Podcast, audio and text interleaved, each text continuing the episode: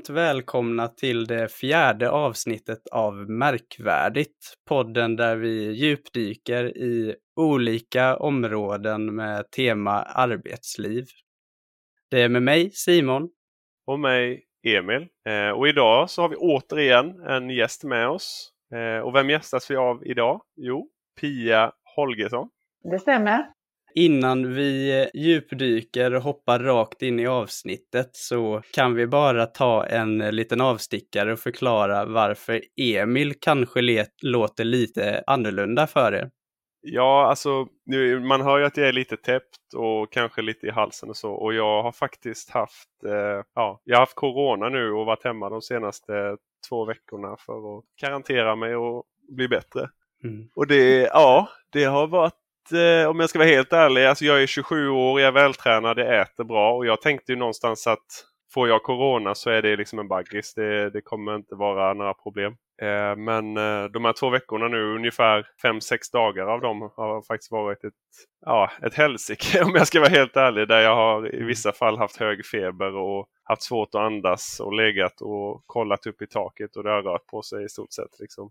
Mm. Så ja. uh, kan man säga någonting till lyssnarna där ute så Även ifall du är ung så håll avstånd. Mm. mm. Sprita händerna. Ta det försiktigt. Ja. Det känns verkligen som att det är att kasta en tärning och se vilken typ av symptom man får. Ja, men precis, och är man inte orolig för sig själv så kan man väl tänka på sina ja, föräldrar eller mor eller farföräldrar. Eller... Mm. mm. Vet du hur du blev smittad, Emil? Min sambo blev sjuk. Eh, hon jobbar som förskolelärare så det, jag menar hon, hon, hon måste ju vara nära människor, det är nästan oundvikligt. Precis.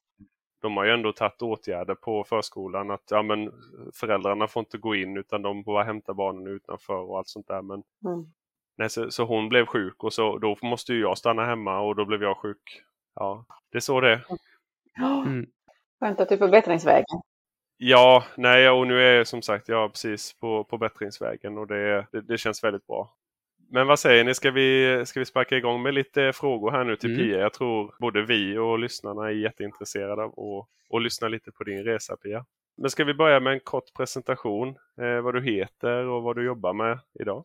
Mm, jag heter ju Pia Holgersson och jobbar som näringslivschef i Karlskrona kommun. Och det har jag gjort i snart sex år. Så att det, mm. ja, tiden går fort. Gift, eh, tre barn, två barnbarn och ett på gång. Så, ja, är det ehm, så? Grattis! Ja, tack! Ja.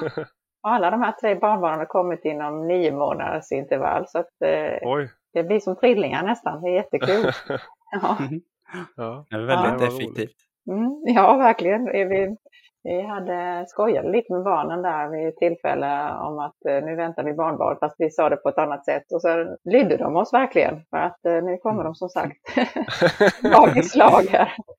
När det regnar så regnar det så att säga. Eller hur? Ja.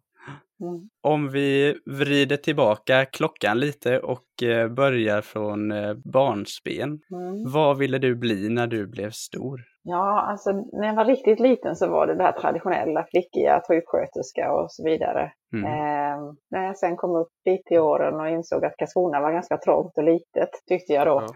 så ville jag ut i ja. världen och eh, då var det lite mer internationell karriär och sådär, jag eftersträvade. Så jag läste ju så småningom då eh, internationell ekonomi eh, i Lund. Men eh, innan dess så hade jag faktiskt sökt in till eh, språklärare, svenska och engelska utbildningen. Fast kom inte in där. Ändå var jag en sån här duktig flicka, hade ganska höga betyg. Men då var det svårt att komma in på lärarutbildningarna på den tiden. Och jag gick också en, jag tror inte den linjen finns längre, humanistisk linje hette den, som hade mm. extra mycket språk och även lite latin och grekiska, alltså språkkunskap kan man säga. Vi lärde oss ju inte språket latin, men vi vi fick liksom grunderna till vårt, vårt nuvarande germanska språk kan man säga. Eller, ja. ja. Eh, så det var väldigt nyttigt. Det har man väldigt, jag har väldigt glädje av just den, den delen mm. faktiskt. Det tycker jag alla borde läsa som, eh, som använder ord i sin, i sin vardag. Men språk är ju otroligt viktigt. Ska jag vara bättre på språk om jag ska vara ärlig. Men är det någon tappning på nuvarande samhälle då? Ja, det var en, en variant av samhälle. Vi gick till, mm. faktiskt vi var, vi gick tillsammans med samhällslinjen på den tiden, så vi var sex som gick humanistinriktningen och sen var det resten gick då vanlig samhällsinriktning så att säga. Jag läste både tyska, engelska och franska. Så det var ju också lite utökat på det sättet. Mm. Okej, men så du, du läste alltså den här eh, alltså språklinjen då på, på gymnasiet och, mm. och sen Sen snackade du om att du läste i Lund. Ja, efter eh, ett år i USA också med inriktning egentligen Jaha. och tanke på att lära mig engelska. Så var jag au pair där ett år, eller egentligen var jag bara ett halvår. Och sen sa jag upp mig och åkte runt och jobbade på egen hand på lite hamburgerrestauranger och sånt. Efter ett år där så började jag plugga i Lund. Eh, och eftersom jag då inte kom in på, då var det språklärare som gällde. Jag hade en bostad och jag hade liksom ordnat eh, så att jag kunde bo, men jag hade ingen utbildning egentligen. Jag fattade inte riktigt då att man kunde gå på enstaka kurs och läsa sen och, och hoppa in på, på linjen eh, ämneslärare. Och det var ju kanske tur det, för att då började jag läsa statskunskap och insåg att ja, men, ja, det här var rätt kul. Och um, sen hade jag många ekonomer på min korridor, så tänkte jag men då kan jag slå ihop mina Eh, tankar om språk med det här internationella. Så då blev det internationell ekonomi med en språkinriktning på det.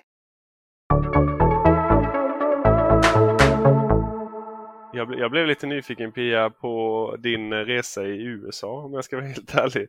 Ja, Nej men alltså usch, det här kan bli långt men eh, väldigt kort så sa jag upp mig och åkte till Park City i Utah. Jobbade där som lite konferensvärdinna, liftskötare var jag en period. Ja, men sen... Alltså lift som i lift i, i liksom skidbacke? Ja, eller? jag ja. stod nere vid uh, stolliften och sa Have a nice day ungefär 300 gånger i, i timmen. Så att, eh, ja, traditionell liftskötare och ibland ja. så satt jag uppe på toppen och kollade så att inte den körde ihop sig i slutändan, den där liften. Eh, så att det... Men då var det lite kombinerad semester där, att man får säga have a nice day på dagarna och åka skidor på eftermiddagarna? Eller? På kvällarna, ja precis. Det var kvällsskidåkning kunde jag ju åka då för det fanns också sen precis. Eh, och någon ledig dag hade jag ju förstås också så jag kunde åka skidor. Men sen när den säsongen tog slut så förflyttade jag mig ner till Kalifornien eh, och bodde på ett eh, campus där i Santa Barbara. Så jobbade jag på Wendy's Hamburgers. Ja, så jobbade jag där tills det var dags att vända hem tillbaka. Det var väl inte helt legalt att jobba på den tiden som jag gjorde, men det, efter att jag traskade nog runt till eh, framförallt hamburgerrestaurangerna där innan jag fick jobb där så tror jag jag gick, knackade dörr hos 40 företag innan jag fick napp. Mm. När var detta förresten? Detta var 1981. Nu finns det organiserade av Per och så, men här, då fick man organisera det här själv. Och mm. även det var ju liksom halv, halvkriminellt, höll jag på att säga. Ja. För att man fick bara tre månaders uppehållstillstånd och sen så bodde jag där liksom utan att jag fanns till egentligen resten ja, av tiden. Mm. mm. Ja, men det känns som en stor risk med när man ordnar det själv så att, det, att man kommer någonstans med någon som inte är schysst. Liksom. Och... Ja, men det fanns ju de exemplen faktiskt. Eh, så absolut. Men vad häftigt måste jag säga. Alltså, mm. Det måste varit en eh, rejäl upplevelse att, att vara där och jobba och träffa alla människor. Och... Ja, men det var jätteroligt och det var ju ungefär samtidigt som ubåten gick på grund här utanför Karlskrona. Så att när man sa att man kom från Sverige och Karlskrona så var man faktiskt ganska känd på den alltså, Just det, det var en världsnyhet. Liksom. Det var en mm. världsnyhet verkligen. Ja. Och alla kände till Karlskrona just då. Liksom. Det, var, det skrevs på alla löpsedlar. Ja. Så att det är också ett minne från den tiden. Mm. Jag hade ju en period där då jag trodde jag skulle bli språklärare och där fanns även tyska med i bilden. Då tänkte jag att jag behöver nog snäppa upp min tyska lite innan jag börjar på utbildningen där. Så då stack jag iväg till tysktalande Schweiz med syfte att åka skidor och lära mig tyska. Så det blev Zermatt under en eh, säsong.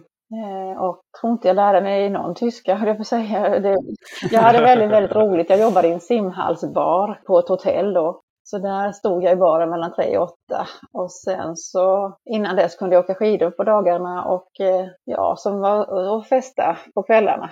Så att, eh, det var ett liv som eh, man kanske inte ska leva hur länge som helst. Jag tror inte jag läste en dagstidning på den här tiden och jag hade noll koll på vad som hände utanför den här byn. Mm. Det var liksom mitt, mitt allt vid det tillfället. Det var en häftig grej mm. att få vara med om. Eh, och Zermatt är ju fantastiskt. Nu, nu har det hänt jättemycket. Vi har varit där med familjen sen. På den tiden så var det väldigt pittoresk liten by. Inga bilar utan bara elbilar och hästdroskor. Och så åkte man tåg för att komma dit. Så det var bara det var ju liksom en eh, lisa för själen. Men som sagt, eh, tyskan fick nog eh, lida för att eh, det fanns för många trevliga svenskar och andra personer som pratade engelska. Så att eh, jag hade nog behövt eh, prata mer tyska där, för det var tufft att läsa tyska sen på universitetet. Så det, jag känner att det fullföljer jag faktiskt aldrig. Utan eh, sen fick jag ju jobb innan jag var färdig med tyska studier. Det fullföljer ekonomibiten eh, helt och hållet, eh, men inte tyska biten. Så jag kan inte stoltsera med någon jättebra tyska. Men sen, i sommar ska jag faktiskt förrätta en vigsel på tyska. För jag är vigselförrättare också faktiskt. Ja, så, så vet Det med, inget annat. Ska ni gifta er så kan ni ringa mig. Jag har en granne här då som bor i Tyskland och då ringde de mig och sa om jag kunde viga dem. Ja visst, det kan jag göra. Och sen visade det sig att det var på mm. tyska så att jag får väl plugga lite här innan jag ska kunna. Det ska jag nog klara, jag tror det. Ja. Ja, men du har väl grundförutsättningen i alla fall även ifall ja, det var ett tag sedan? Det är inte som Simon och jag som typ aldrig nej, läst tyska? Nej, liksom. nej men alltså precis. Jag läste ju i alla fall, vad blev det, sex år då, innan jag började på högskolan med ju, så att jag har ju en del. Och lite tyska pratade jag nog i Zermatt ja. också. Jag, jag, fick ju prata med kunderna men inte annat. Mm. Ja. Herregud, vigselberättare ja. också. Men tillbaka till Sverige. Ja. Vad var första karriärstegen tillbaka här? Ja, egentligen var det så som när jag så började läsa statskunskap i Lund. Men jag insåg väl att det kanske inte var det jag ville fortsätta med utan jag skulle gå över till internationell ekonomi. Och jag ville ändå bo kvar i Lund första sommaren. Så då sökte jag en tjänst som receptionist på ett stort hotell som heter Sparta där med 150 rum som hyrde ut studentlägenheter egentligen från första maj till sista, jul, sista augusti. För jag hade jobbat som receptionist eh, här i Karlskrona och hade liksom lite erfarenhet. Så jag tyckte det skulle kunna vara lite kul. Och eh, då så visade det sig att vdn i Akademiska föreningen som ägde hotellet ringde upp mig en månad innan hotellet skulle öppna och frågade om jag ville komma på intervju samma dag. Så jag cyklade upp där och då visade det sig i sin tur att eh, den eh, vdn eller chefen, de hade blivit ovänner med hotellchefen som hade varit, eh, varit, jobbat där några år. Så han hade klivit ut genom dörren och gått. Så de frågade mig där på stående fot om jag kunde ta hand om det här hotellet och driva det över sommaren. Timing. Precis, två månader senare så stod jag med 150 liksom rum och det var ju en olymp, stora kongresser. Vi hade jättemycket bokningar från dag ett till liksom i stort sett sista dagen. Så marknadsföring var liksom ingenting vi behövde göra. Men, men anställa personal och allting skulle ske då på en månad. Det operativa skulle liksom hållas Allting och... precis skulle ja. funka där. Så mm. jag, tror inte riktigt jag visste vad jag gav mig in på. Eh, men var, så här efteråt så är det en jätteerfarenhet att ha med sig. Och det mm. resulterade också i att på den tiden fanns ju inte mer än två andra hotell i Lund egentligen. Eh, så att konkurrensen var noll och det upptäckte ju Akademiska föreningen att det här gick ju med otroligt bra lönsamhet. Så man bad ju mig sen att driva det här till, göra om det till året runt-hotell. Så jag har drivit det hotellet under några år eh, som året runt-hotell. Ja. ja. men det är ju helt otroligt. Ja, men jag var inte så gammal. Jag var så 22 var jag då, ja. Precis.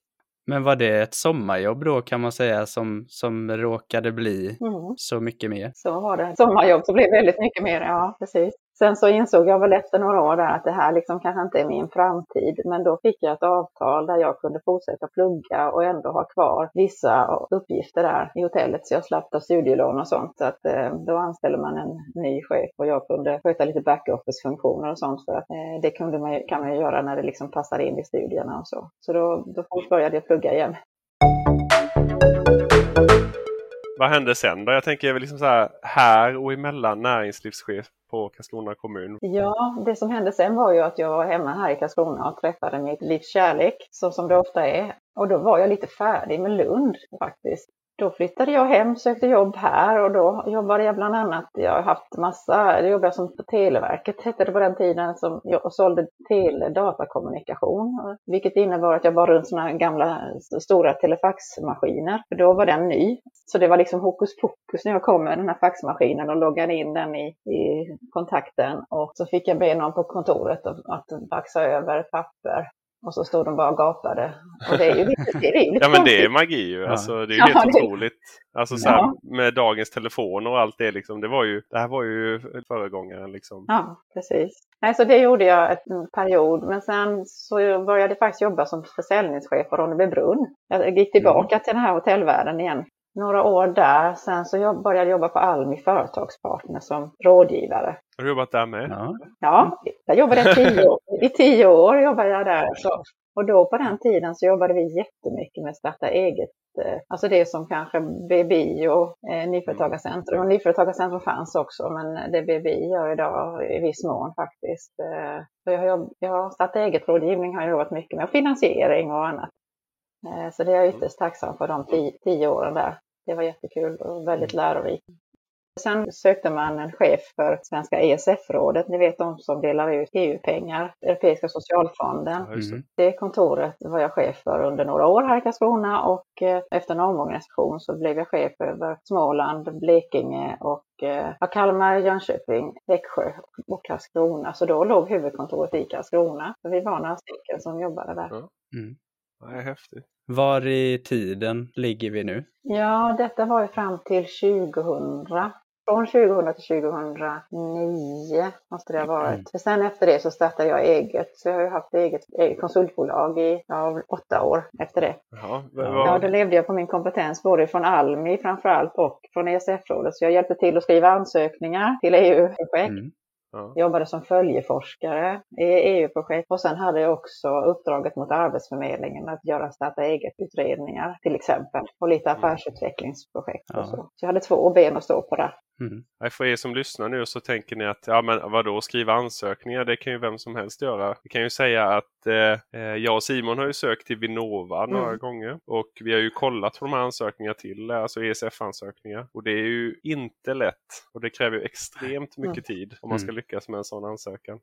Och väldigt mycket att veta vad man ska lägga vikt på Ja. Helt rätt. Mm. Ja. Drivet till att starta eget, kan det ligga lite i att du satt som eh, starta eget-rådgivare och fick se alla andra som satsade på sina grejer? Att det, det byggde upp ett sug att oh, men det här vill jag också. Jo, men absolut. Det, det kanske var både, både och egentligen. För man, jag fick ju också se baksidorna av det i viss mån. Det vill säga det är tufft. Det räcker inte bara att jag är bra på det jag gör, jag måste kunna sälja det jag gör också. Och det är många som glömmer det och liksom se, tänker bort det här med att man måste tänka ur kundens perspektiv. Vad är det kunden vill ha? Inte vad jag vill leverera. Men i och för sig, jag hade haft förmånen att få tänka, tänka starta eget i många år och kunde då omvandla det till min egen affärsidé. Så absolut. Du var liksom lite förberedd, du hade tankesättet. Ja, liksom. precis. Men hur kommer det sig att du tog steget från att driva eget och till eh, näringslivschef? Ja, men det var faktiskt ganska enkelt och det var också rätt bra timing. De här två benen jag stod på, egentligen så försvann eh, grunden för de här två benen försvann. Eh, dels så började myndigheterna upphandla större bolag när det gäller de här följeforskningsuppdragen. Och skriva ansökningar vill jag liksom inte egentligen bara fortsätta med enbart. Ja, och den andra, det andra benet försvann också i och med att man gjorde en omorganisering av eh, hur man jobbade med starta eget-utredningar från Arbetsförmedlingen. Mm. Så det var egentligen så. Och sen var jag lite mätt på att eh, jag tycker egentligen det är rätt skönt att jobba ensam. Men jag var lite sugen på att komma in i ett sammanhang och vara, kunna påverka och vara en del av att det händer saker. Då kom den här annonsen om att man sökte näringslivschef ganska så bra tajmat där faktiskt. Mm. Vad gör en näringslivschef? Jag tänker, vi, vi har ju ändå lite koll så här men vissa av lyssnarna kanske inte har någon aning. Ja, alltså eh, vi jobbar ju mycket med att se till att eh, de här, våra företag som finns i Karlskrona, att de har en bra service hos oss hos, på kommunen när de kontaktar oss och se till att när de till exempel ska eh, söka bygglov eller göra något lite större förändring i företaget så ska, ska det vara smidigt och lätt och, och snabbt Eh, och det gör vi bland annat genom en lotsfunktion där vi samlar de här olika, de som har kontakt med företagen och behöver vara med i ett sånt här sammanhang. En gång i veckan har vi möte om vi har ärenden och då löser vi det här på plats och vi, vi bjuder också in så företagen kan få komma dit och prata med alla som han eller hon behöver prata med direkt. Eh, det är en sån viktig funktion vi har. I övrigt så försöker vi ha örat mot marken och eh, lyssnar in behov som finns i, hos näringslivet. Just nu jobbar vi till exempel med en flyglinje till Frankfurt. Det är liksom en bransch jag aldrig har mött på mm, innan, men den är, är i stort sett klar nu faktiskt, fast det har tagit lång tid, men mycket på grund av corona. Så den kommer, om inte någonting absolut konstigt händer, att starta i första kvartalet 2022 så kommer vi ha flyglinje till Frankfurt. Och det är jag och näringslivschefen i Ronneby mm. och representanter från näringslivet som har drivit detta tillsammans med Kalmar som också är med då. Så det är liksom eh, en ytterlighet som vi jobbar med. Så det blir väldigt brett egentligen. Ni, ni jobbar för att stärka ja. näringslivet på olika Precis, sätt. exakt. Vi har ju också uppdrag att eh, försöka få till etableringar hit så att vi får fler arbetstillfällen och fler företag och, och arbetsplatser att eh, etablera sig i Karlskrona, både statliga myndigheter och företag. Så att om man ska försöka skriva någon slags, affärsidé på vårt grunduppdrag, det är ju att eh, utöka antalet arbetstillfällen i Karlskrona, se till att vi blir, eh, får fler arbetstillfällen.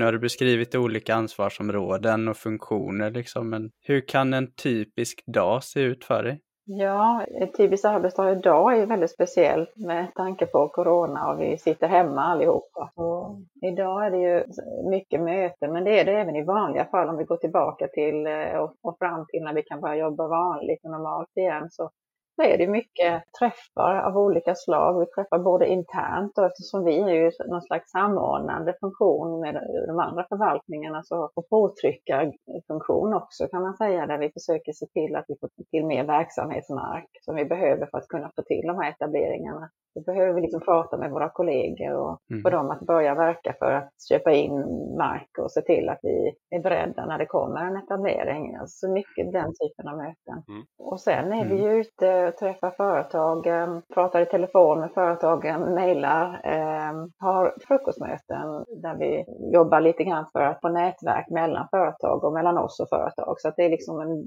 dubbelt syfte med det, att vi får träffas och, och mm. samtidigt få oss lite till livs kompetensmässigt.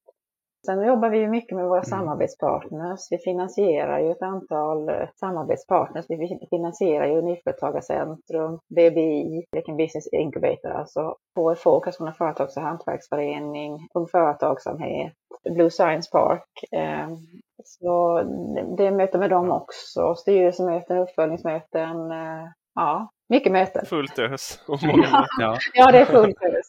Och sen är det som sagt högt och lågt. Nu jobbar vi ju jättemycket med kommunens stödpaket. Vi har, kommunen har ju beslutat, eller politikerna har beslutat om 10 miljoner som ska ut till att gynna näringslivet för att liksom hålla igång det och få, få, få dem att, som har, har det tufft att överleva. Och mm. det hamnar ju också på vårt bord så att just nu jobbar vi till exempel med, vi har skickat ut 7000 värdecheckar till alla anställda i Karlskrona kommun som kan an, användas i de mest utsatta företagen och handla saker med.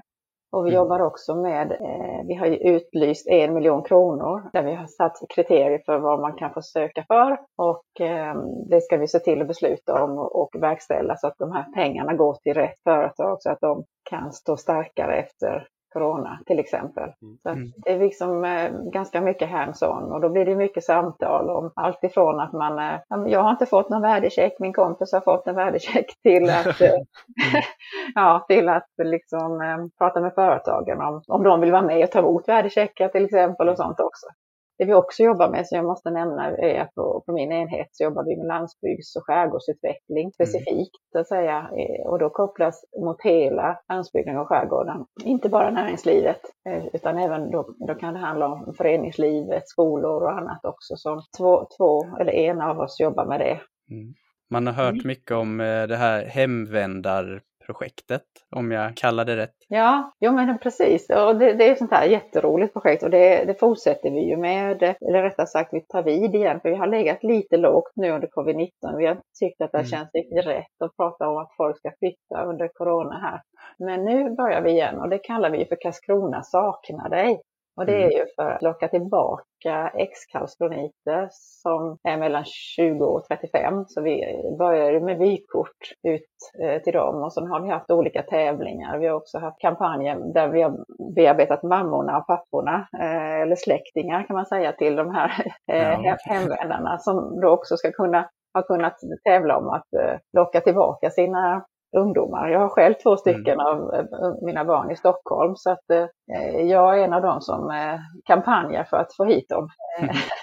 Ja, nej, så den är, den är himla rolig och den har varit väldigt uppskattad. Och det var lite kul med vykorten eftersom vykort får vi ju inte direkt idag. Alltså vi får inte brev i, i, brevlådan, vi får mail. Och de här vykorten var till och med några som ringde och sa att kan jag få ett till så jag kan ha ett på kylskåpet och ett hemma. Så jag kan komma ihåg Karlskrona för det är så fint där. Mm. Det är ingen jättehög budgetkampanj alls. Lite vykort och lite brev, eller nyhetsbrev skickar vi ut sen till dem som vi samlar ihop då resten. Och vi håller dem uppdaterade med nyhetsbrev och det är ju vår egen tid. Så mm. att är väldigt eh, lågkostnadsprojekt egentligen. Jag gillar det initiativet faktiskt. Det är som ja. du säger, det behöver inte kosta så mycket heller utan det kan göra stor skillnad ändå. Precis. Sen borde vi kanske göra någonting och det har vi ju pratat om, eh, om ja. det här med studenter och där har vi dem redan här egentligen så då borde vi ju bli bättre på att behålla dem. Mm. Ja, Där behöver inte ens skicka vykort utan de finns ju normalt sett i alla fall. Nu kanske det är lite annorlunda men, men mm. när det blir som vanligt igen så borde vi hitta lite gemensamma nämnare där. Vi har ju varit på gång med det så vi får ta tag i det igen sen. Ja, nej men absolut. Mm. Men man kan sammanfatta det egentligen om att du, du jobbar med att få Karlskrona att fortsätta snurra. Ja, ja, jag och många med mig, men absolut. mm. ja. det, det är Pia som gör att Karlskrona finns. Inte för mycket press på axlarna här nu. nej, nej, precis. annan viktig del eh, i min karriär kan man säga är att eh, jag älskar att röra på mig. När jag bodde i Lund utbildade jag mig till ledare för studentgymnastiken där i gympan. Det var ganska nytt på den tiden, gympa. Men eh, jag föll för det, tyckte det var superhäftigt att eh, röra sig till musik, eh, ganska tuffa pass. Så när jag sen flyttade tillbaka till Karlskrona och insåg att här fanns gymnastikförening som levde kvar. Jag ska inte vara elak och säga på 1800-talet, men man, man hade inte hängt med. Man låg tio år efter skulle jag vilja säga i alla fall. Eh, så insåg jag att eh, ja, men här måste ju hända något. Och när det då kom en gympaledare som flyttade hit från Växjö som var utbildad i Friskis och Svettis där så gick jag fram till henne för hon var på ett av mina pass då eh, som jag, jag började leda ändå i den här andra gymnastikföreningen. Och då så, så gick jag fram och frågade henne, ska vi inte starta Friskis och Svettis i Karlskrona så vi kan få liksom, lite kvalitet på träningen och, och fler att röra på sig. Och så gjorde vi det. 1988 var det.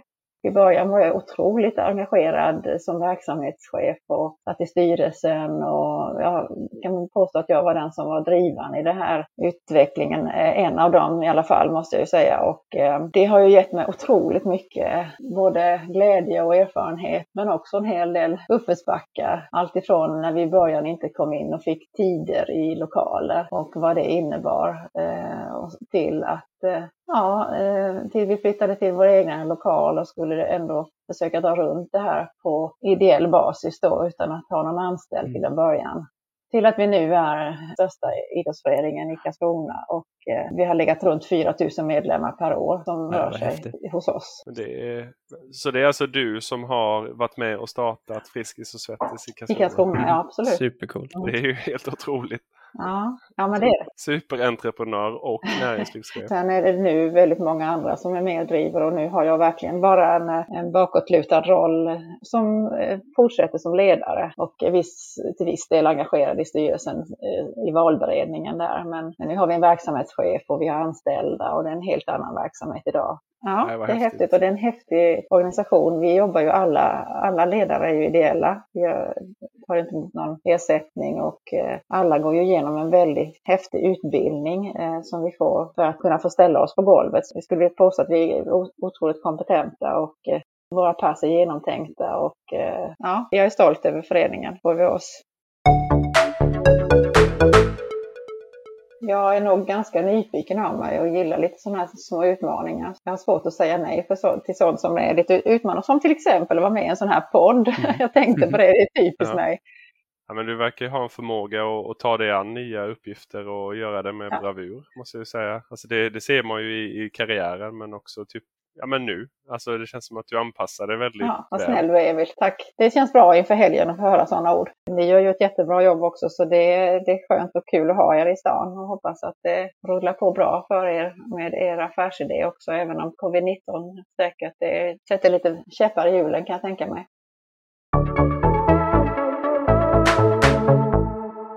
Går vi in på ett cement som vi, eh, vi, vi kör liksom lite kort eh, roliga annonser och händelser och kanske jobb. Eh, och så snackar vi lite om det innan vi, vi avslutar podden. Idag mm. så har jag med mig världens konstigaste jobb. Det är en lista på 12 stycken men eh, jag kanske bara kör två, tre stycken de jag tycker är mest roliga här. Är i alla fall världens konstigaste jobb som publiceras i The Guardian. Och som vanligt så postar vi länkar till det i poddbeskrivningen. Eh, det första är luktbedömare. Vad tror ni att luktbedömare är? ja du. Det måste ju vara någon kaffe kanske? Nej? Ja, Kaffesmakare? Mm. Ja. Ja, de skriver så här. Det finns de som jobbar med att lukta i armhålor.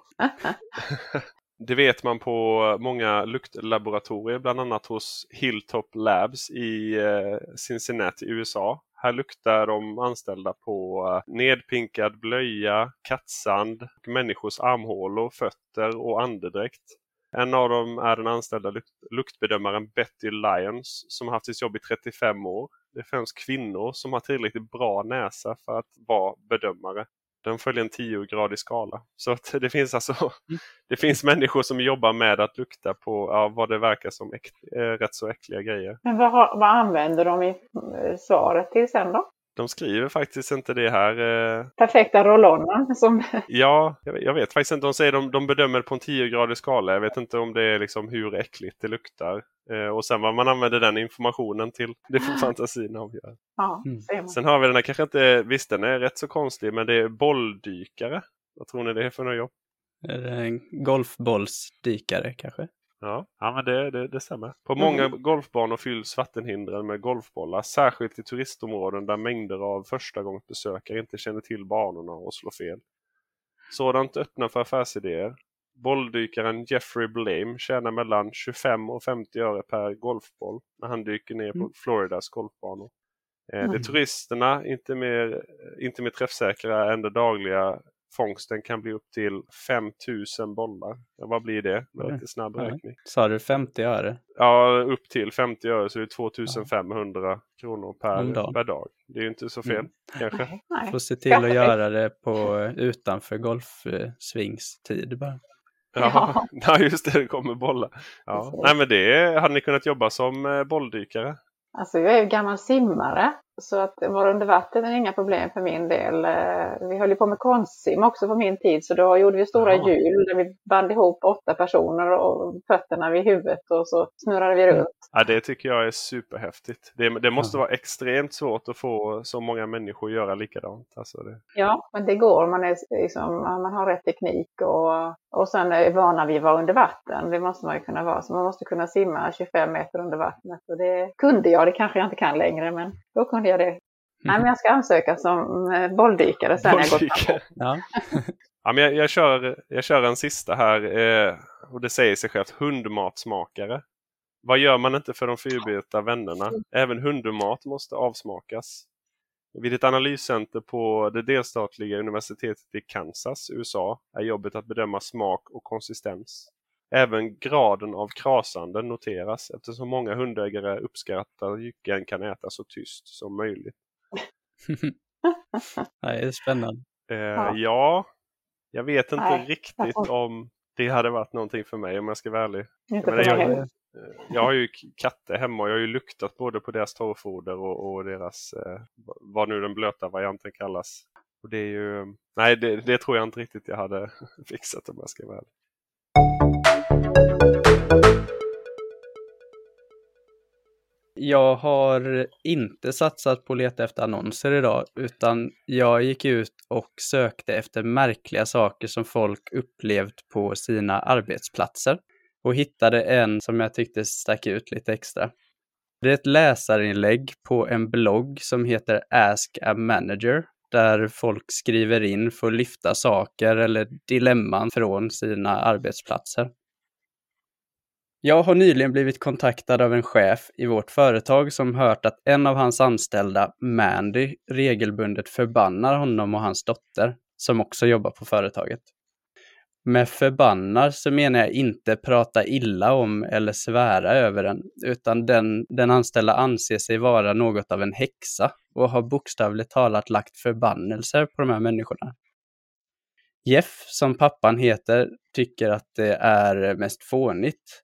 Men dottern Whitney har blivit rädd och letar efter sätt att avvärja sig från besvärjelserna. Vad som gör saken värre är att både Jeff och Whitney blev sjuka och missade nästan en hel vecka strax efter att en kollega berättat att Mandy lagt en förbannelse. Jag vet inte riktigt hur jag ska hantera det här. Eh, några förslag? Eh... Man undrar vilken typ av arbetsplats det är. Alltså så här, om hon verkligen är en häxa. ja, den är svår att svara på. Mm. Ja. mycket har jag hört eh, på arbetsplatser men eh, ja, det här var ju lite spännande. Mm. det måste jag säga. Har du något initiativ eller projekt du skulle vilja belysa Pia? Nu när du ändå har chansen här till våra lyssnare. Ja, med tanke på målgruppen då. Många av er som lyssnar kanske studerar i Karlskrona eller kan tänka sig börja studera i Karlskrona. Då kan jag berätta om att eh, området där högskolan eh, är placerat är ute för ehm, synpunkter just nu. Så att det kommer att hända saker där. Det kommer byggas studentlägenheter och det kommer byggas nödvändiga parkeringsutrymmen och annat. Och eh, plan, i planerna finns också så småningom att mera koppla ihop högskolelokalerna och med företagens lokaler och byggnader. Så att det tycker jag kan vara lite spännande att känna till. Det kommer hända mm. saker. Det var ju häftigt. Ja. Ja, jag har inte hört. Nej. Det kanske är jag som eh, lever under en sten. Nej, men det, det är nog så att det är ute just nu för, för eh, synpunkter så att säga. Så att det kommer inte hända imorgon, men ganska snart i alla fall börjar vi med det. Första blir faktiskt inte så kanske roligt, men viktigt och det är ett parkeringshus så vi får undan bilarna. Mm. Eh, och sen kommer det komma i olika etapper sen eh, de övriga bygger. Och jag tror studentlägenheten också ligger där i första etappen faktiskt. Att man planerar. Det, just det. Ja men det är ju superviktigt. Mm. Precis. Ja. Men om man är student eller annan typ av intressent, är det dags att eh, höra av sig då och, och tycka till om hur man skulle vilja se platsens framtid? Det var en bra fråga. Eh, jag vet inte riktigt vad det finns, men det kan man faktiskt gå in på Karlskronas hemsida då och leta fram. För där finns mm. ju allting eh, som är på gång och då kan man se var, var man kan lämna synpunkter och i så fall hur och sådär. Så, så det är en bra, bra tips. Mm. Mm. Om man skulle vilja komma i kontakt med dig, var når man dig på bästa sätt? Är det LinkedIn eller via mail? LinkedIn, men ännu hellre via mail kanske egentligen. Men båda går bra. Och då är det mitt för och efternamn, pia.holgersson.karlskrona.se, så det är väldigt enkelt. Mm. Som vanligt, är det så att ni vill komma i kontakt med eh, oss så kan du göra det på våra sociala kanaler, att märkvärdigt podd. Eller så kan du mejla oss på markvarditpodd at gmail.com. Stort tack för att du har lyssnat på det fjärde avsnittet av eh, Märkvärdigt. Vi eh, ses eller hörs nästa gång.